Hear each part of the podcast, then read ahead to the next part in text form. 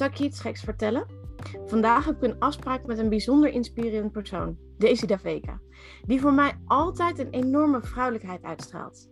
Niet de seks, maar echt die mooie vrouwelijke energie. Weet je wat ik vanmorgen deed? Ik ging niet naar de vormloze vrouwen onderbroeken die ik heb liggen in mijn kast, maar naar de andere kant van het bakje en mijn hand greep een string. Een hele mooie zwarte glansstof met van die bandjes die dan net boven je heupen uitsteken. En gek genoeg voel je je daardoor ook gewoon een stukje meer vrouw. Niemand ziet het en toch is dit een heel belangrijk aspect van zelfzorg.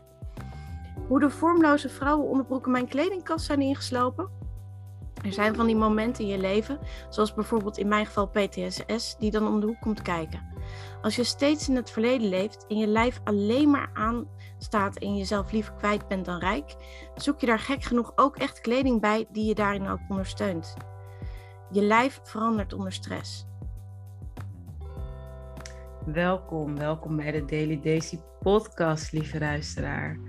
Dat was een bijzondere, bijzondere introductie van mijn bijzondere, bijzondere gast, Hansje Kok. Welkom. Hey, superleuk om wow. Ja, wat een, uh, dat is een blog. Ik ga jou eerst even introduceren aan mijn luisteraar. Mijn intro's zijn meestal heel lang, dus dan weet je dat.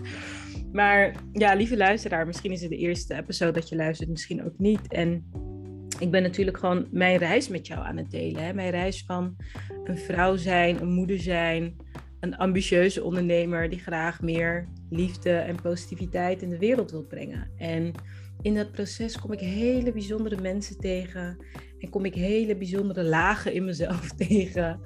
En zo dus ook onze bijzondere gast van vandaag, Hansje Kok. En Hansje en ik die uh, zitten allebei in dezelfde mastermind, de online trainers mastermind. Want ja, hè, corona kwam en uh, mensen gingen meer online, wij gingen mee.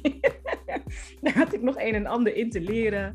Dus ik ben in de mastermind gestapt. En um, ja, twee weken geleden ongeveer kwam Hansje op mijn pad. We zijn nu buddies in de mastermind. En um, ik ben helemaal gefascineerd door deze vrouw. En zoals je weet, wanneer iemand me raakt op een bepaalde manier, dan denk ik, ik moet dit delen met mijn luisteraars. Zo dus ook Hansje. Als je, ja, jij praat vooral over. Ik noem jou een trauma-expert. Ik weet niet of jij jezelf al zo noemt, maar ik noem jou een trauma-expert en ervaringsdeskundige. En wat ik zo mooi vind van jou is dat jij je focus ook heel erg legt op bewustwording van wat trauma doet vandaag de dag. Maar ook vooral hoop, handvaten en inzichten geven over na-trauma. Er is een leven na trauma. Een mooi, leuk, sprankelend leven na trauma. En ik vind het zo mooi hoe jij schrijft en spreekt over, nou ja, je hebt het net gehoord, over onderbroeken. Dus laten we gewoon gelijk beginnen met onderbroeken. Hoe heeft dat te maken met trauma? Help, vertel.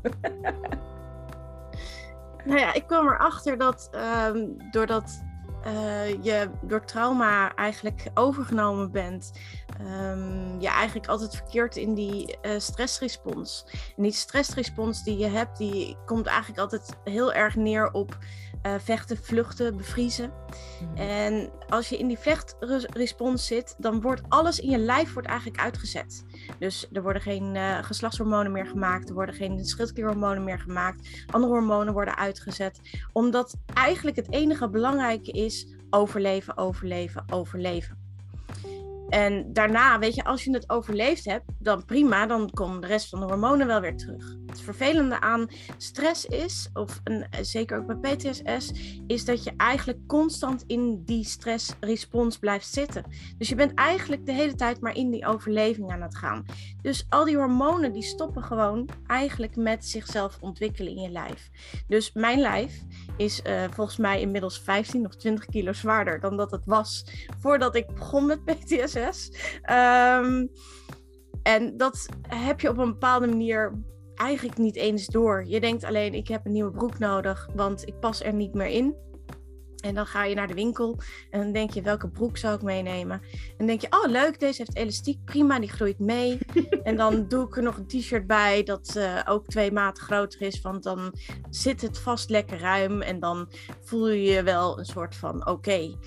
Wat er gebeurt op zo'n moment als je eigenlijk dat soort kleding gaat kiezen. En ik kwam ook op de onderbroekenafdeling terecht natuurlijk. Je kunt je voorstellen dat je denkt, nou laat ik een grote string aanschaffen. Nee, doe maar gewoon zo'n huistuin- en keuken katoenen onderbroek. Waar alles in past. Waar je echt gewoon totaal niet vrouwelijk of sexy in voelt. Ze hadden ook nog de dagen van de week. Dus ik kon ook nog gewoon de maandag pakken. De Op de onderbroek staat maandag. dus voor het oh geval ik daar dus zeg maar ook nog in vast zou lopen, wist ik ook welke dag het was. Um, maar je gaat dus andere kleding kiezen. Je wil ook niet meer echt zijn waar je bent. Je gaat niet echt goed voor jezelf zorgen. Um, je bent ook makkelijker in eten geworden. Je wil eigenlijk alleen maar overleven.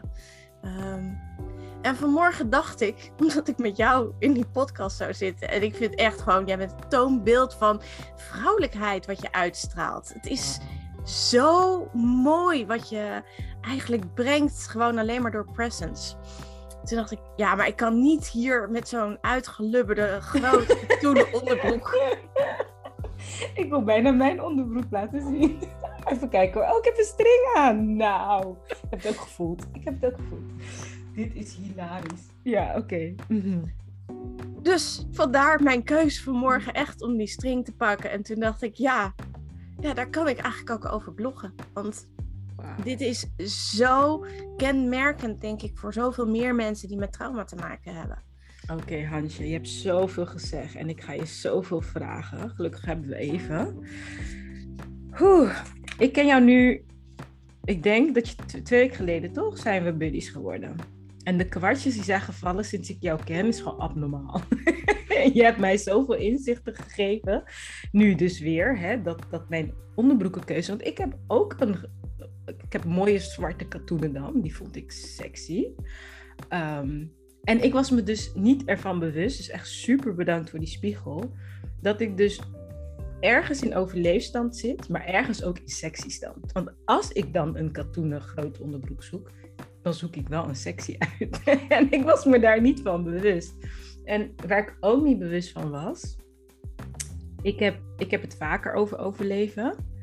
Ehm, hè, ik vind dat we meer mogen leven dan overleven. Maar voor mij ging overleven heel erg over werk. As in, je doet een baan waar je niet van houdt, want je moet nou eenmaal de huur betalen. En ehm, overleven is, mijn man is aan het werk. En ik heb een hele goede microfoon tegenwoordig, dus het kan zijn dat je dat hoort. maar dan weet je wat het is. En um, dus overleven ging voor mij heel erg over niet doen wat je leuk vindt, omdat ik zo druk in de red race zit. En jij brengt toch echt wel een nieuwe dimensie over dat je dan, hè, ik ben dus wel uit de red race qua agenda, maar mijn lichaam zit nog volop in overleefstand. Dat is echt een soort van, oh. Ehm, en wat jij dus zei, toen ik begon met PTSS, dat ik denk, hoe begin je met PTSS? Begin je dan met overleven of begin je dan met het bewust worden van dat je aan het overleven bent? Kan je daar wat meer over vertellen? Nou ja, in mijn geval begon PTSS best wel heel erg uh, abrupt. Um, ik was wat is PTSS? Laten we eerst even dat uh, ontleden.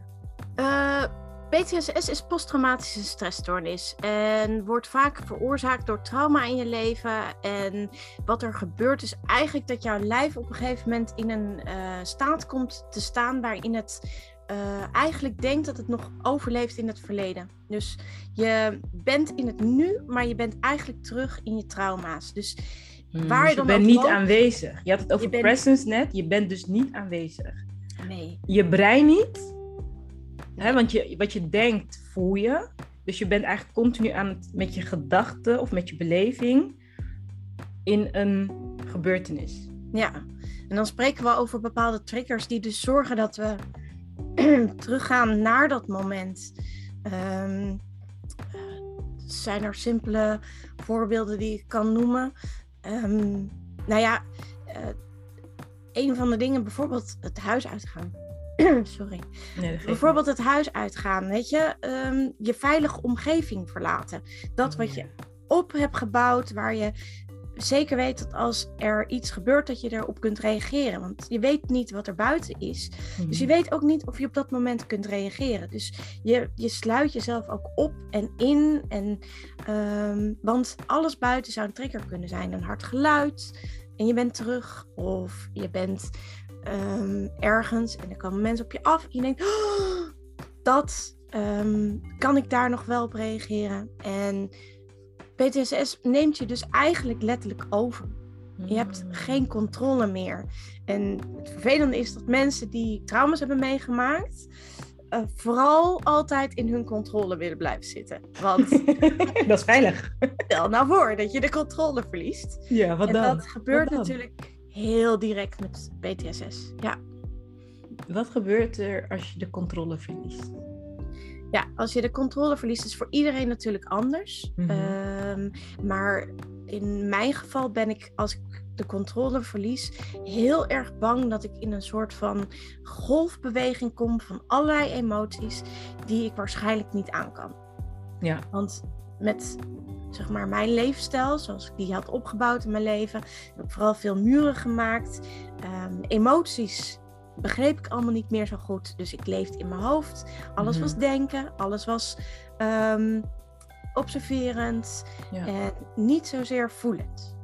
Oh, zo herkenbaar. Bij mij was het ik, dat ik dan in een soort, ik noemde dat oceaan van gevoelens kwam en verdrink. En nooit meer eruit kom. Weet je? Dacht Daisy, ze was een leuke vrouw, maar nu is ze aan het voelen. ze is verdwenen. dat is hoe het bij mij is. Ehm, ik ben heel erg benieuwd naar, wie je bent en hoe jouw reis is gelopen. Ehm, waardoor je bijvoorbeeld muren bent gaan opbouwen. Zou je ons daar een beetje in mee willen nemen? Ja, ehm, het begon bij mij eigenlijk al voor mijn geboorte. Ehm, ik ben ehm, eh, zeg maar ontstaan met twee, tussen twee mensen waar ik het vermoeden van heb dat het niet zo'n hele gezonde relatie was. Mijn moeder heeft, omdat ze toen nog 19 was, ook besloten mij af te staan. En daardoor ben ik geadopteerd uiteindelijk. Na drie maanden werd ik geadopteerd door twee ouders. En ehm, vooral mijn moeder, ehm, die heeft het altijd heel moeilijk gevonden dat ze zelf nooit kinderen heeft gekregen. Dus dat was wel altijd een soort van stempeltje. En mijn vader die was druk aan het werk. En ehm, we kwamen in dat opzicht in een, eh, of ik kwam in een heel goed gezin. Eh, mijn vader was bankdirecteur, mijn moeder die eh, was kleuterjuf. Ehm, dus je zou denken, op papier de meest ideale situatie die er is. Ik kreeg, eh, toen ik een jaar of tweeënhalf was, kreeg ik er een zusje bij. Ehm, ook Geadopteerd dus? geadopteerd. Ja. Ja. Ehm, en wij groeiden samen op. Mhm. Totdat ik een jaar of tien was en toen gingen mijn ouders uit elkaar. In de periode daarvoor ook waren mijn ouders af en aan wel of niet emotioneel beschikbaar. Ehm, maar na mijn tiende, toen ging mijn vader weg. En mijn moeder bleef eigenlijk een soort van gebroken over. En ehm, mijn zusje was altijd al heel erg rebels. Ehm, en afzetterig. En daardoor namen de ruzies in ons huis enorm toe. Ehm, ik voelde me ook veel meer een soort van tussenpersoon overal. Mijn vader had verhalen, mijn moeder had verhalen en ik zat ertussenin. Mijn zusje die was rebels en mijn moeder die kon daar niet mee omgaan, dus ik zat daartussenin.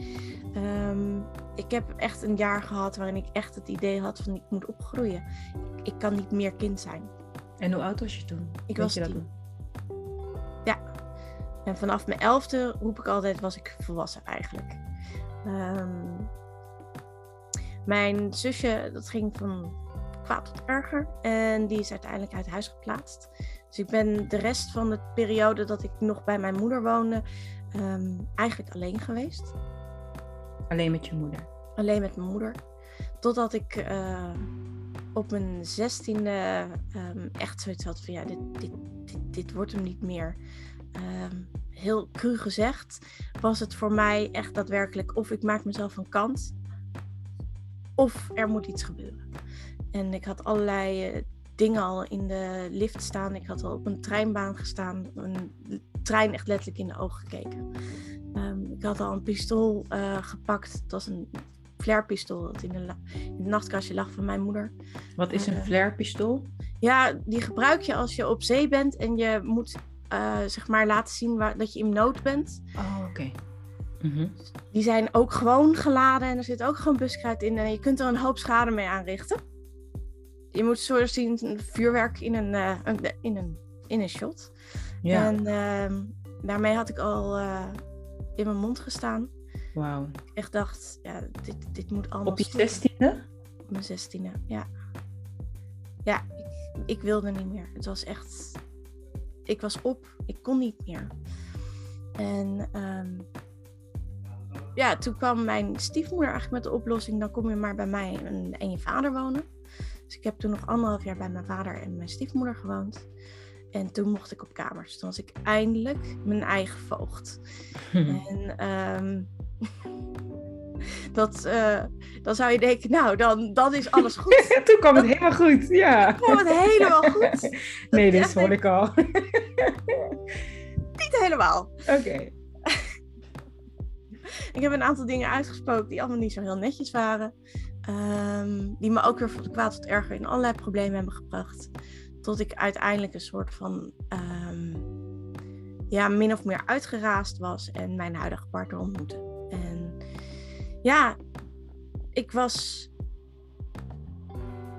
eigenlijk op dat moment zo uitgeput. En uh, ik had al jaren de diagnose chronisch vermoeidheidssyndroom, maar dat was echt daadwerkelijk op dat moment over en uit. Ik was echt gewoon, ik kreeg verlammingsverschijnselen. Dus ik kon niet meer lopen. Ik kwam in een rolstoel. En toen dacht ik, ja, dit, dit moet anders. En op die manier ben ik eigenlijk op het pad gekomen van ongelooflijk veel zelfontwikkeling.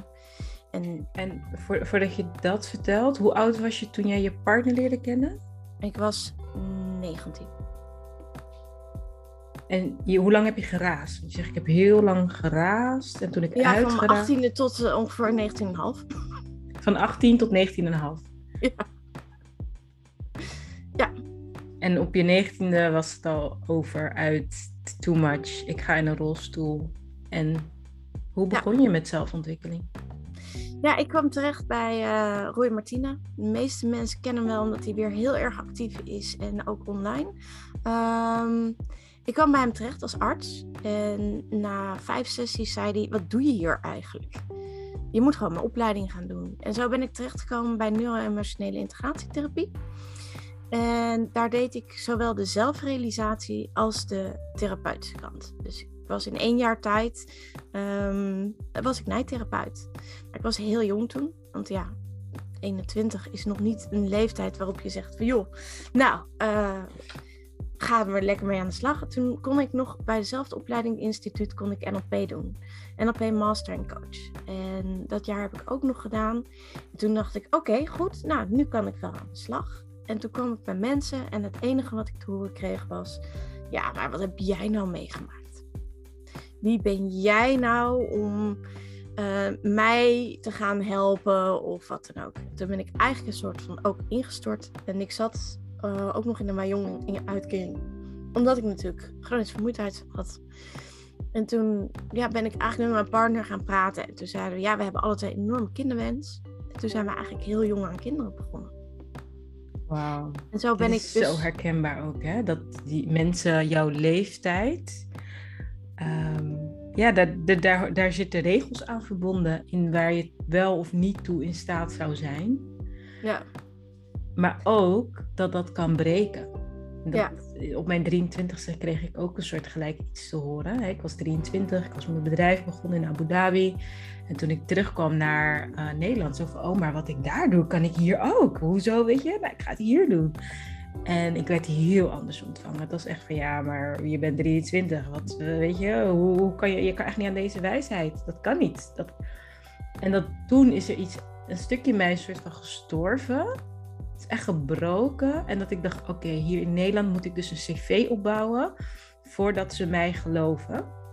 En toen ben ik dus als een malle van alles gaan doen allerlei opleidingen en weet ik veel wat. Um, en pas vier jaar geleden of zo kwam ik erachter dat daar dus een stukje Daisy is achtergebleven die op die natuurlijke wijsheid vertrouwt. Want het is juist bijzonder om dat jij 21 was en je hebt, je hebt je leven omgegooid. En eigenlijk wat je wilde was andere mensen helpen ook hun leven omgooien. En dan werd er gezegd, ja, maar jij kan het niet vertellen, want jij bent jong. Ja, maar je leven is toch al omgegooid? Dus dan ben je toch al, weet je, en nou ja. Dus ik, ik, herken, ik herken die pijn. Ja. ja. Maar jullie gingen toen richten op kinderen. Dat is ook een bijzondere keuze. Ja, klopt. Dus uh, ik was uh, vijf, vier dagen 25 toen mijn, uh, mijn oudste zoon geboren werd. Ja. Um, ja, en ik heb me gewoon volgestort in het moederschap. ik ben natuurlijk nooit gestopt met mezelf ontwikkelen. Dus ik las nog steeds alles wat los en vast zat. Um, mijn gedachten staan sowieso nooit stil. Um, ik heb nog heel veel verschillende cursussen, workshops en weet ik veel allemaal gedaan. Ik dacht, nou ja, ik heb mind, weet je wel, van de NLP. En ik heb um, emotie. Dus uh, mind, body en soul. Dus ik had soul van de nee. Dus ik denk, ja, ik moet body hebben. Body, dat, dat is helemaal mijn focus. Toen ben ik um, sportmassage gaan doen. Eerst ontspanningsmassage, daarna sportmassage. En daar heb ik eigenlijk een beetje mijn carrière op gebouwd. Uh, want ik ben toen op het veld terechtgekomen bij een, uh, een eerste elftal. Uh, op het voetbalveld gewoon. Ja. Ja, absoluut. Inmiddels ehm, had ik op dat moment twee kinderen. Bijna -hmm. drie, want ik was ook zwanger.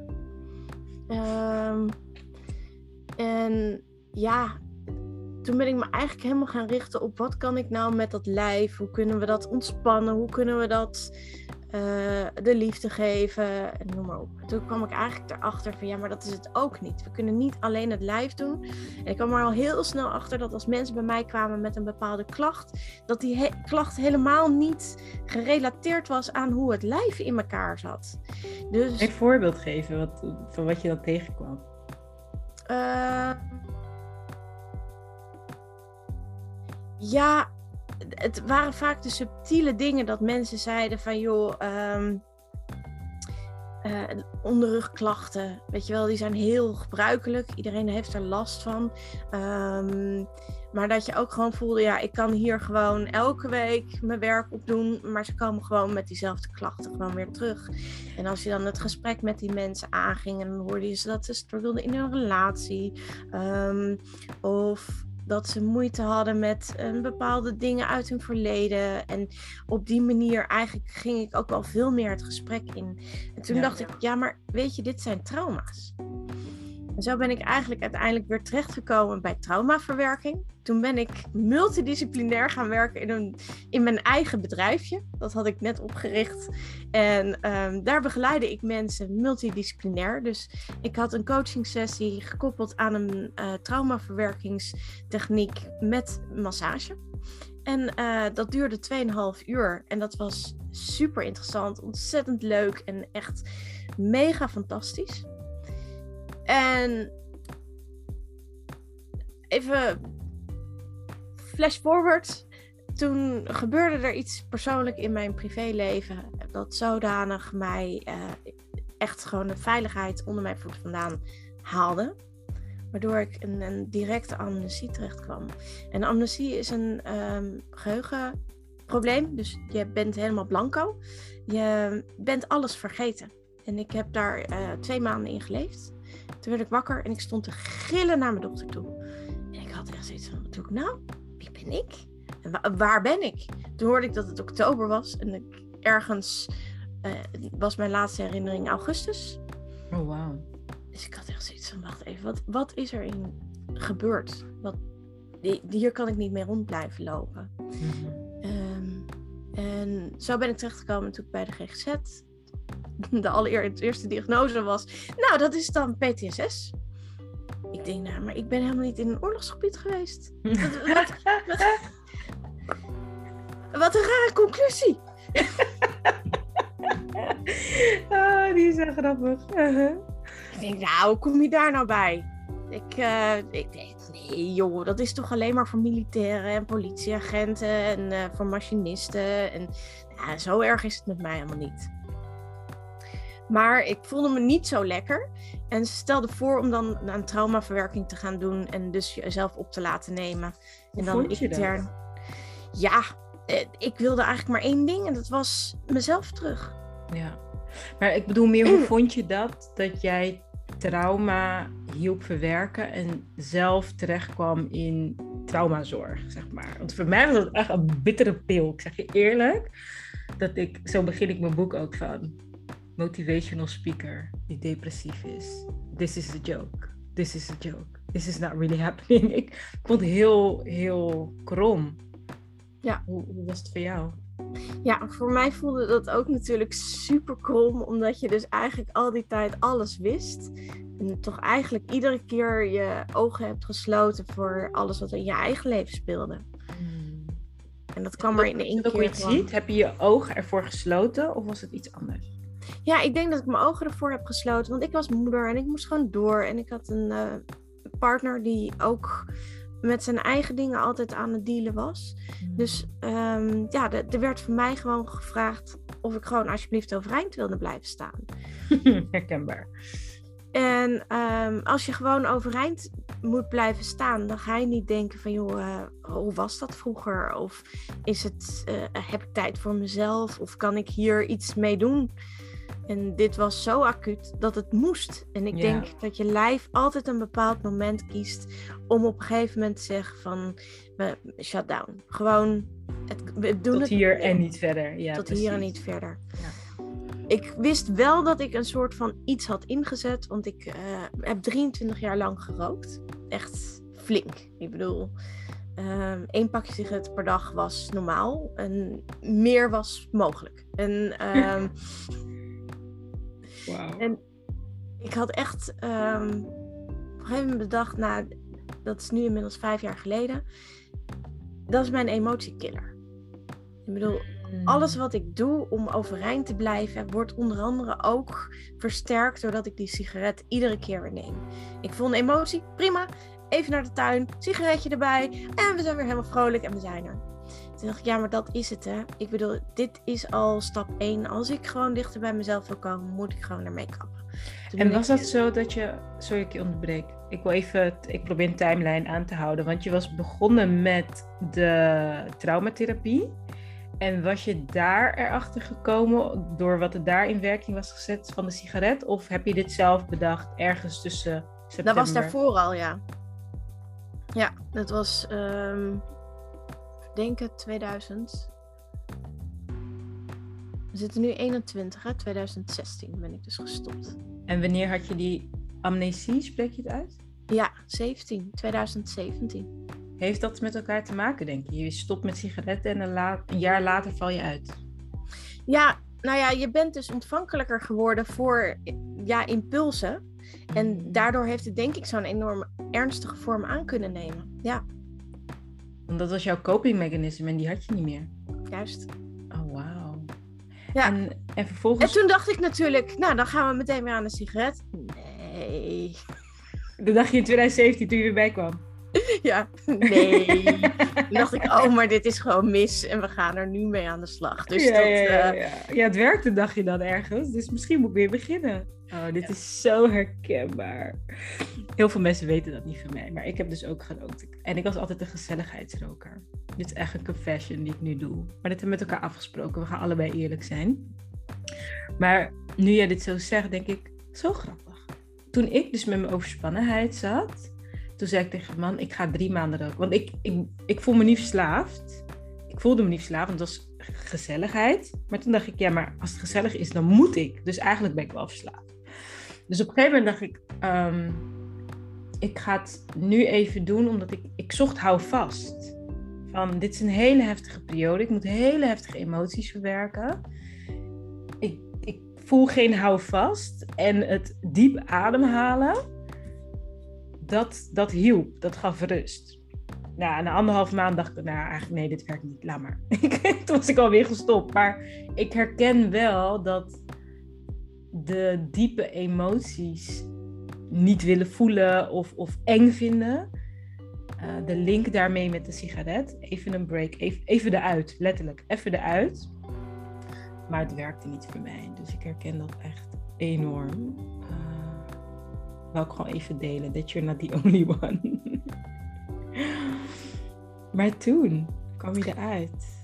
Weet je eh, ja, nou toen ging ik dus natuurlijk eh, opgenomen worden. Toen ging ik enorme heftige traumaverwerking in.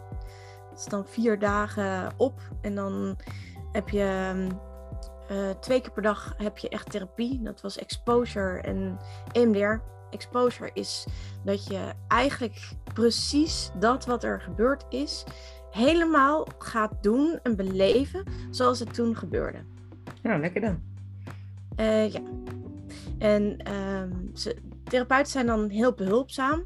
Dus als er achtergrondgeluiden waren, dan zullen ze die erbij opzetten. En als er middelen bij waren, dan um, wordt dat aangereikt. Um, stel voor dat er een vaas in het spel was, dan krijg je een vaas. Nou, noem maar op. Dus je mag het echt volledig in het moment herbeleven. En dat is zeg maar mega, mega heftig. Dat is Wow. niet iets wat ik zomaar eventjes iedereen aanraad. En wat is, wat is daar de positieve intentie van? De positieve intentie van is dat ehm, jouw lijf heeft geleerd ehm, weg te gaan van alle emoties die te maken hebben met een trauma iets Mhm. ehm, wat je hebt meegemaakt. En eh, jouw lijf denkt dat je eraan doodgaat. Want dat is de respons die je erop krijgt. Daarom ga je vechten, daarom ga je vluchten of daarom ga je bevriezen. Omdat je lijf nog steeds denkt, ik ga dood op dat Ja. moment. Ja. Oh, ze willen dus eigenlijk jou laten ervaren dat je niet doodgaat. Je gaat niet dood, dus op die manier willen ze dus de spanning naar beneden brengen. Ja. Daarna had ik EMDR. EMDR is ehm, zeg maar een beweging die je maakt met je ogen, waardoor je dus eigenlijk een soort van het plaatje gaat neutraliseren. Je kunt je voorstellen dat als je nu aan iets denkt, ehm, stel eh, ehm, iets leuks, je brengt je zoontjes morgens weg, je zwaait hem uit, dat kun je in alle kleuren zien en Mhm. in alle liefdevolle emoties kun je dat ervaren en dat vind je helemaal fantastisch. Ehm, maar als we denken aan onze trauma's, kunnen we dat ook in kleur en met Ja. alle. Nou, Nou, Dat is niet altijd heel praktisch, meestal niet. Want zeker als het op dit moment plaatsvindt, terwijl het niet meer plaatsvindt, is het handig als je bij wijze van spreken naar een soort van grauwe doek kijkt, waar het dan wel is, maar niet meer actief je overneemt. Ja, Ja. precies. Ik had EMDR gehad op eh, kritische ouder hebben. Dus ehm, mijn moeder was best streng, met hele liefdevolle en positieve intenties uiteraard. Ehm, maar de impact daarvan had ik heel erg onderschat. Dus ik zat bij mijn psycholoog en ik zeg ineens van... Ja, ik weet niet, ik heb altijd het gevoel dat er iemand achter de deur staat en die wil me gaan slaan, weet je wel. Dus ik veel... Dus op dat moment zei hij ook... "Mm, ik denk dat wij traumatherapie moeten. Nee joh, dat is toch helemaal nergens voor. Hoezo? Ik ben hier omdat ik een beetje overspannen ben. We gaan niks met trauma doen. Weet je wat jij zei? Ik heb toch niet in een oorlogsgebied gezeten? Ik dacht echt, nou, deze man sport niet. Ehm, maar wat hij dus toen zag is van, die continu die angst. En onbewust, wat ik dus heel de tijd in mijn hoofd zag, en dat wist ik dus niet, is zeg maar die boze blik, die ontevreden blik. En, en, en dat voel ik in mijn lijf. Want het kind reageerde met, oh, ik doe het niet goed. Oh, ik, ik veroorzaak eh, pijn. Ik veroorzaak gedoe. Dus heel erg ehm, teruggetrokken eigenlijk daarin ook. En heel erg bang van terecht gewezen worden continu. Dus ik moest dat beeld gaan neutraliseren, wat jij zegt. Hè? Dan als je dat beeld, als ik dat beeld onbewust dus zie, wat we continu zien, hè? we hebben het eigenlijk niet door, dan reageer je minder heftig op, Ja. nou ja, in mijn geval dat beeld van die strenge, boze blik, zeg maar. Ja. Ik eh, wil trouwens wel even iets toevoegen. En ik denk dat het ook voor jou geldt.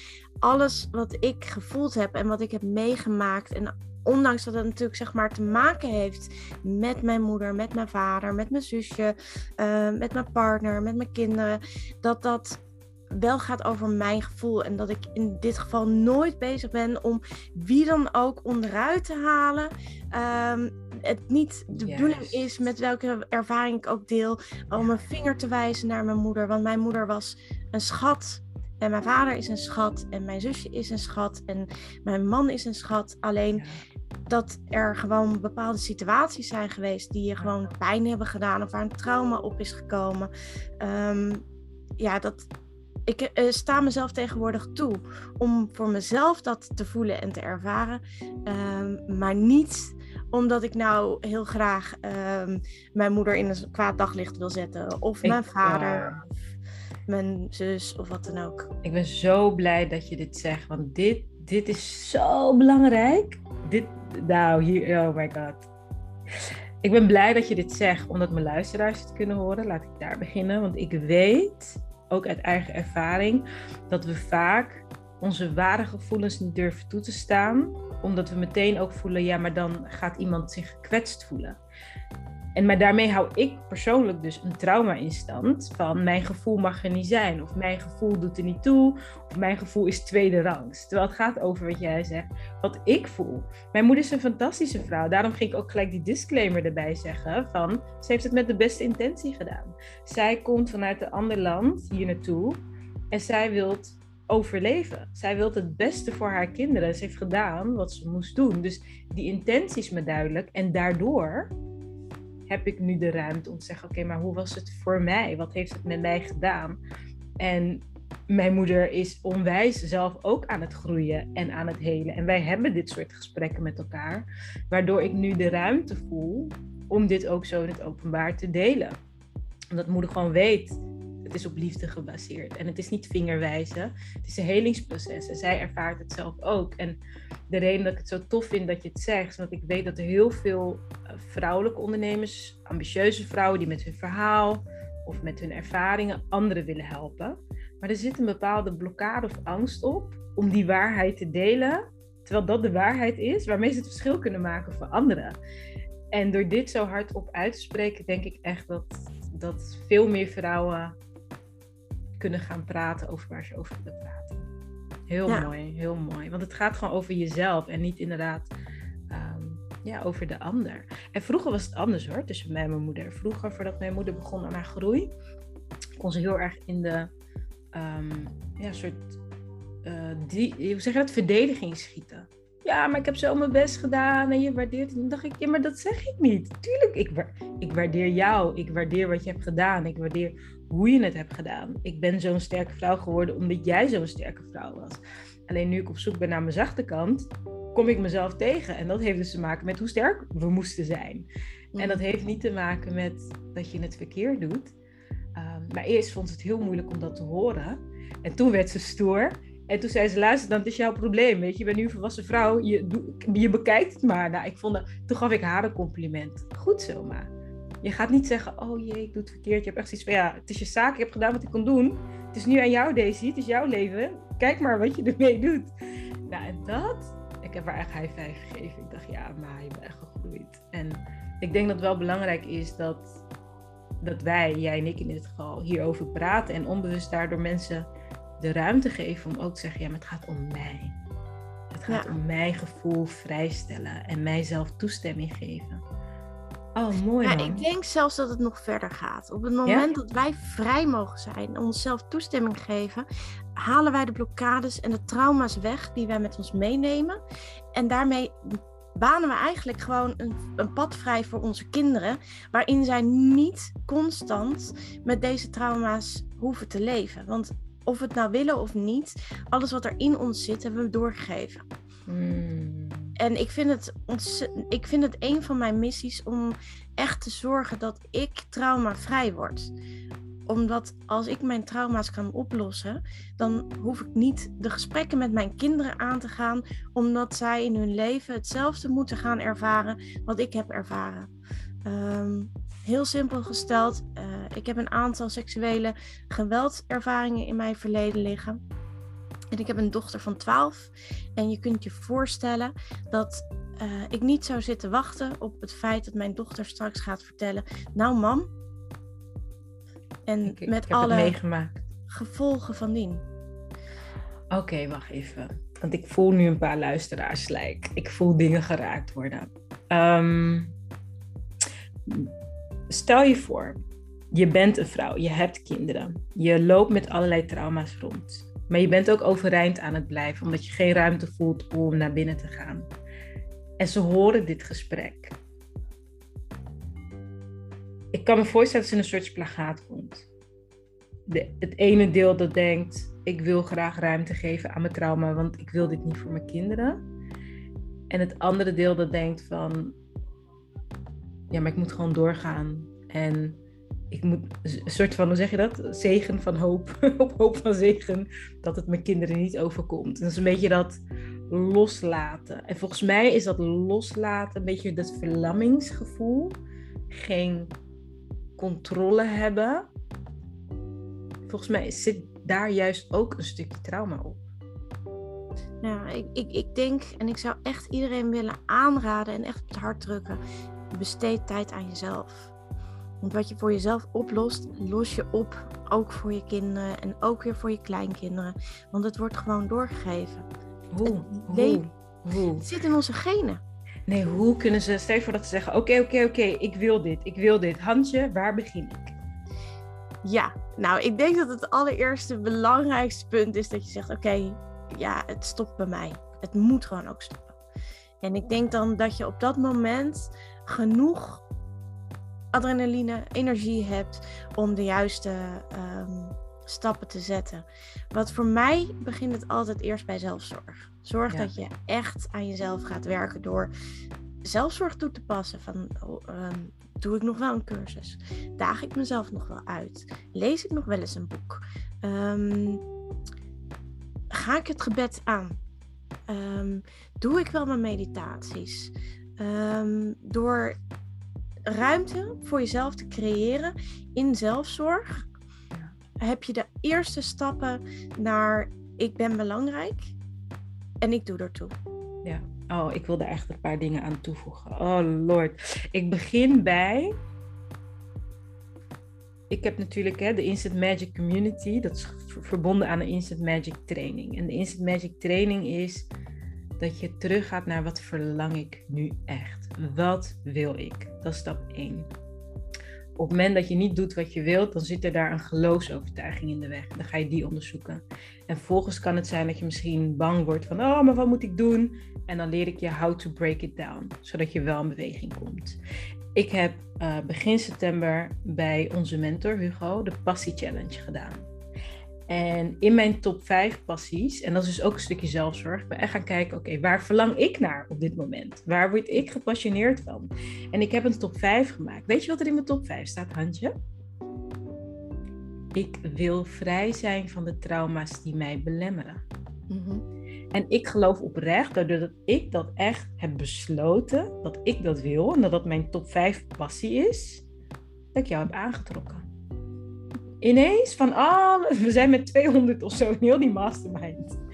Ineens vraagt Hansje mij, wil je mijn buddy zijn? Of all people, ik heb dat aangetrokken. I created that. Snap je?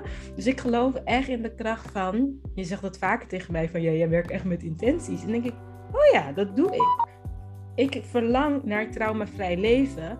Wie wordt mijn buddy? Een trauma-expert. Dat is geen toeval.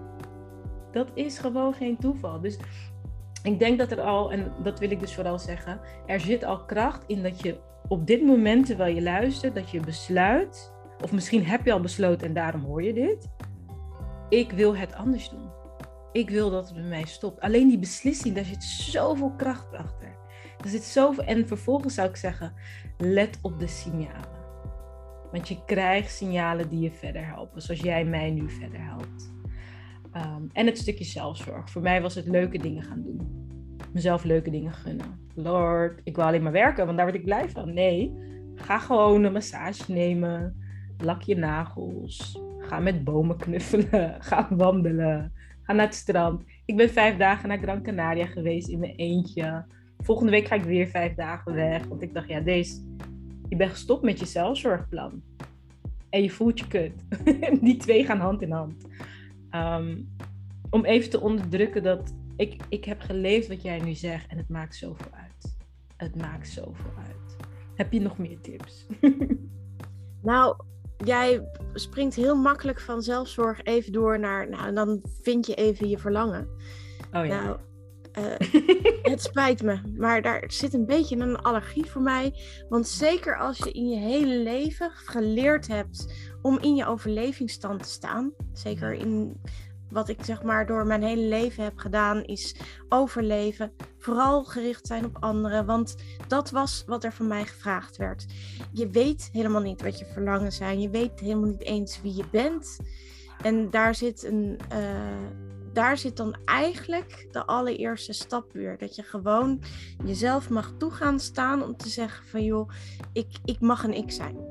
En ehm, ik weet eigenlijk helemaal niet wat daaraan verbonden is. En ik weet ook niet wie ik daarin mag zijn. Maar ik mag dat nu langzamerhand gaan ontdekken.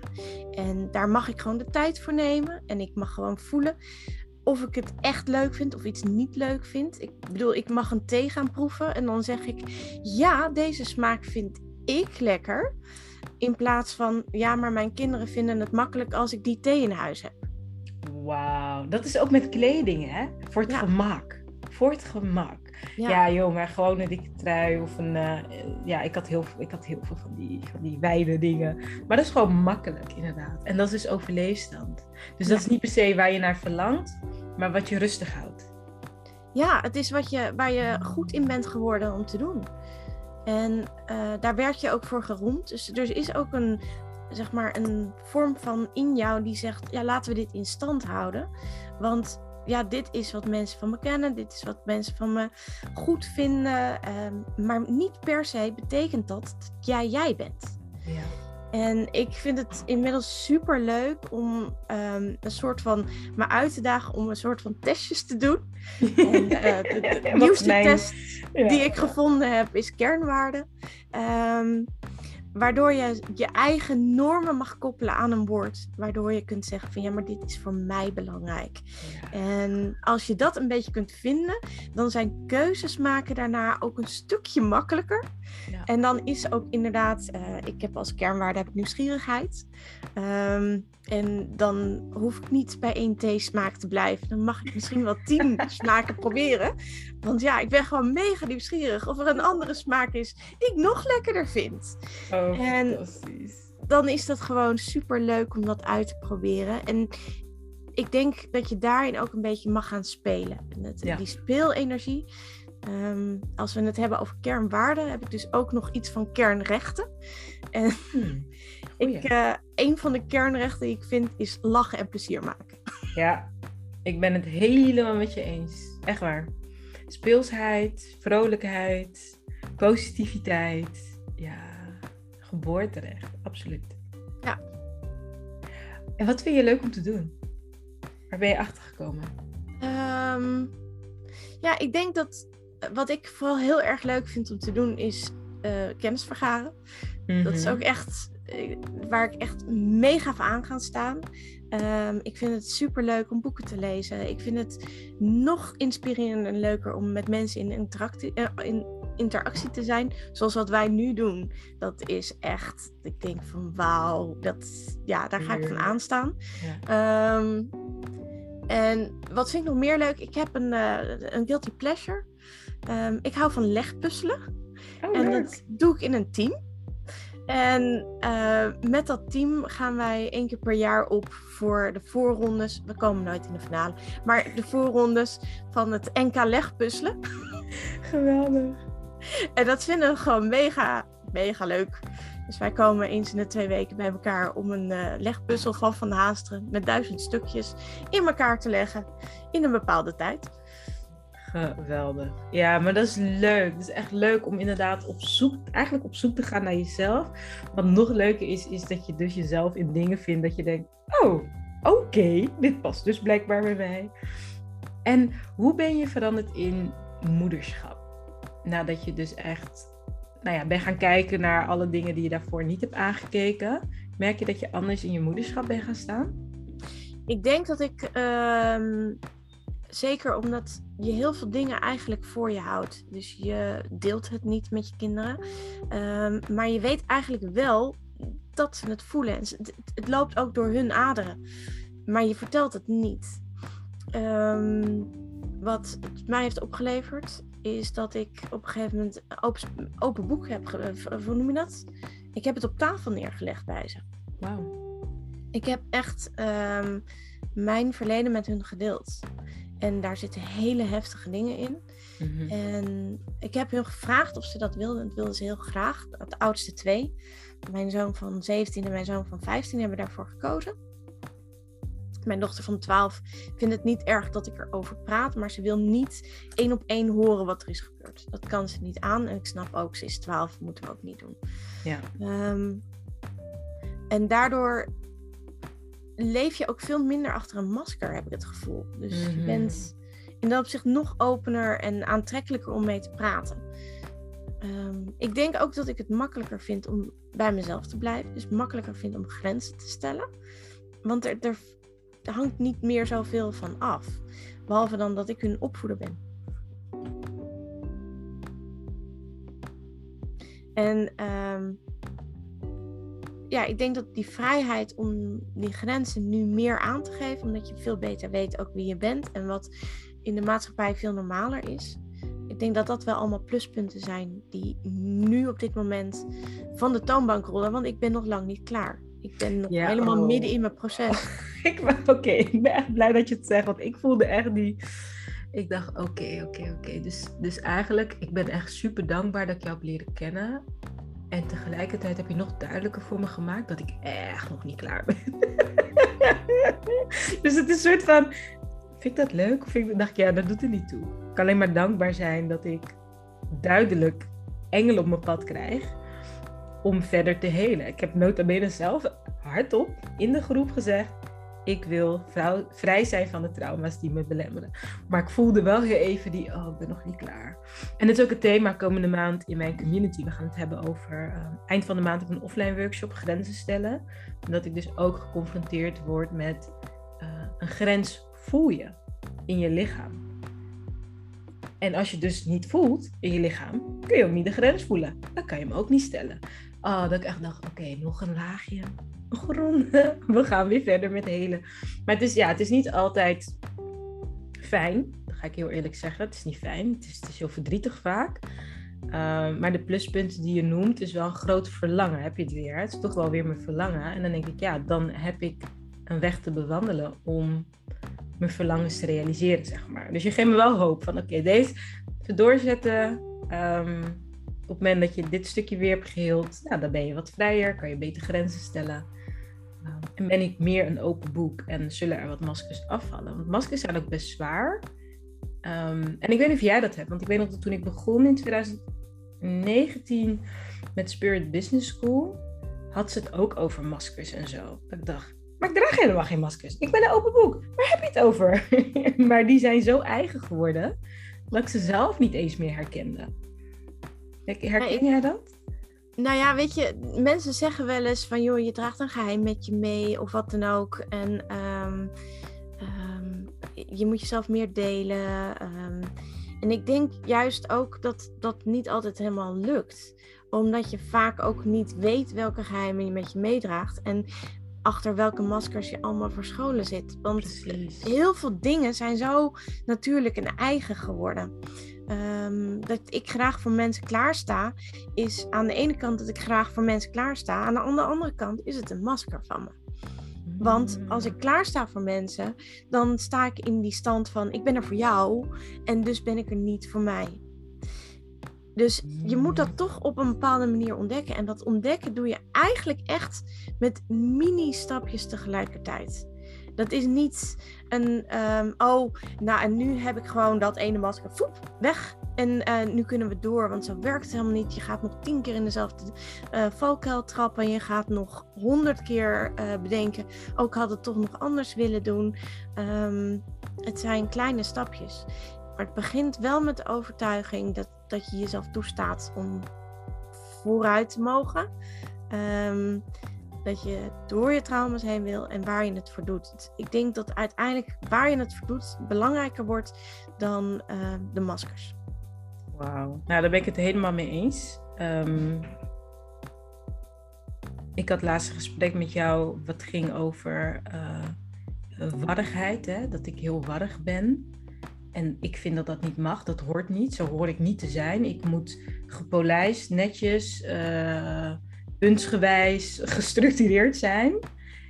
En dat jij mij dus liet zien van daarmee wijs ik eigenlijk mezelf af. En dat dat ook een traumarespons eigenlijk is. Van continu mezelf afstraffen, naar beneden halen, afkeuren, zeggen dat ik niet goed ben zoals ik ben. Uh, en, en dan in een vechtmodus zijn om iemand te worden die ik niet eens ben. Want dan word ik wel geaccepteerd, maar dan ben ik wel goed en dan begrijpen ze me wel en dan snappen ze me wel. En ik ben zo moe. ik ben zo moe. En dat ik me ook niet kan voorstellen dat ik dat kan loslaten. Maar tegelijkertijd ben ik zo moe dat ik denk, het is nu even geen optie meer om nog voor die Daisy die ik niet ben te vechten, zeg maar. Ehm, dus ik hoop echt dat met dit gesprek dat we heel veel mensen ook de toestemming geven om ja, eigenlijk een overtuigingsshift te maken van uh, ik ben goed zoals ik ben. Ik ben goed zoals ik ben. En ik weet dat heel veel mensen die met mij werken mij heel vaak dit teruggeven. Van ja, deze door jou ben ik gaan zien. Het mag zoals ik wil en ik ben goed zoals ik ben. En tegelijkertijd kan ik het niet vaak genoeg zeggen. Je bent goed zoals je bent. Dus ik ben heel erg benieuwd, Hansje. We hebben heel veel stof doen opwijen. Um, ik ben benieuwd naar twee dingen. Eén is allereerst, heb je nog het gevoel dat je iets wilt zeggen of delen? Of dat je denkt, hé, hey, dat, dat wil ik ook nog graag uh, de ruimte geven hier? Ja, ik wil één ding heel erg graag delen. En dat is dat elk helingsproces, wat mij betreft, ook begint bij dankbaarheid. Hmm. Um, als jij weer langzamerhand kunt gaan zien waar je dankbaar voor bent, um, komt er energie vrij en gaat het stromen. Op het moment dat je namelijk, want als jij in je trauma's verstopt zit, dan ben je eigenlijk of alleen maar bang, je zit in je angst, of je bent alleen maar bezig met de ander um, en noem maar op. Dus op het moment dat jij gewoon kunt zien van joh, de zon daar mag ik dankbaar voor zijn. Of ik mag dankbaar zijn voor iemand die op mijn pad komt. Of ik mag dankbaar zijn dat um, ik nu een maaltijd heb. Of ik ben dankbaar dat ik een vriendelijke knuffel van mijn kinderen krijg. Of een, uh, dat even iemand opbelt. Op het moment dat je dat soort hele kleine dingen als dankbaarheid gaat nemen, ben je eigenlijk al bezig met een genezing en herstelproces. Heel waardevol. Echt heel waardevol. Ik wil een aantal tips delen met je luisteraar. Als je, als je merkt van, hé, hey, ik wil hiermee aan de slag. Een paar dingen wil ik gewoon benoemen. Misschien heb je er wat aan, misschien doe je het al. Um, er is een app, dat heet Meditation Moments. En daar heeft hij een, een dankbaarheidsmeditatie van...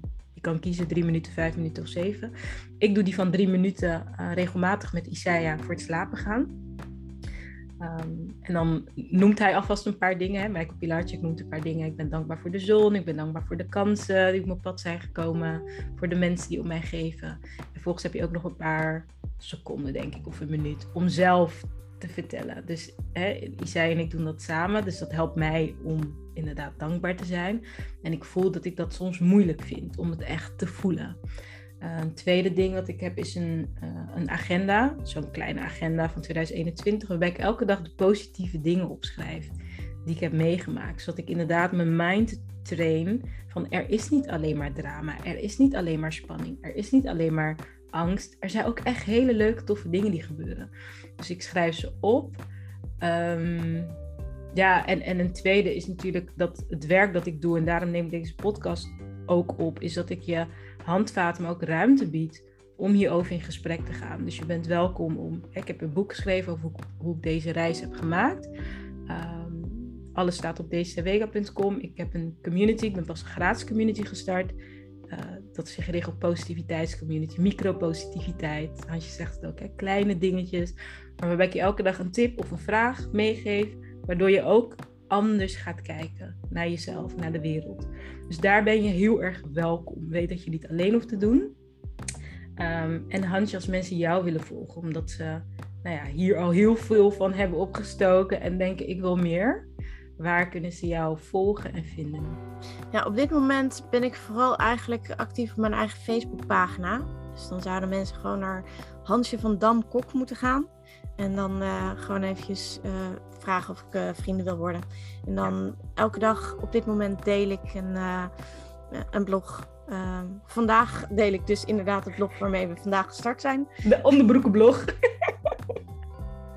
ja, nee, maar dat maakt echt uit. Ik weet nog dat ik in mijn community had ik dus ook zo'n oefening gedeeld van joh, neem dit, vandaag even ergens de tijd, of deze week was het, om eens naar je pennen te gaan kijken. Wat voor pennen wat voor pennen heb je eigenlijk? En waarom heb je die pennen? En zijn dat pennen die je leuk vindt? Of zou je andere pennen willen? En hetzelfde ook met thee. En ik denk dat nu, na dit gesprek, uh, vrouwen even serieus naar een onderbroeken la of, of box of waar je het ook hebt. Um, en dat is misschien ook wel nog een tip van Weet je, om ze ook mooi op te vouwen en netjes te zetten. Of, of is het gewoon zo, ja, ja, een bak en ik leg ze ergens neer, weet je. Dat, dat, dat, dat is ook een stukje zelfzorg. Dus ik vind het dan, mooi. Is de opdracht, haal de trauma uit je onderbroekela? Ja, die is echt fantastisch. Ja, hou de trauma uit je onderbroekela. En als je lid bent van de Daily Daisy Community, dat is dus de gratis community, mag je dus een foto maken van je traumavrije onderbroek. Ik ga dus echt zo'n foto maken. Van, ik heb een onderbroek in mijn hoofd, ik ga het niet zeggen. Als je wil weten wat het is, ik zou ga naar de Daily eh, Daisy Community. Je kan daar komen via daisydavega.com slash positiviteit. Ik zal die twee links van mij en van Hansje delen in de show notes. Ehm, en dan mag je daar een foto maken van jouw ehm, traumavrije onderbroek. Ik vind hem fantastisch, Hansje. Ik had het nog niet bedacht aan het begin. maar dit is precies waar ik voelde gewoon van ja, ik wil een community koppelen aan deze podcast. Eh, ook omdat ik gewoon best wel diepe gesprekken heb en er kan van alles vrijkomen. En dat ook een ruimte is om verder te praten en eh, verder te groeien eigenlijk. Dus eh, daar ga ik straks mijn foto posten van mijn traumavrije onderbroek. Ik zie die van jou graag ook.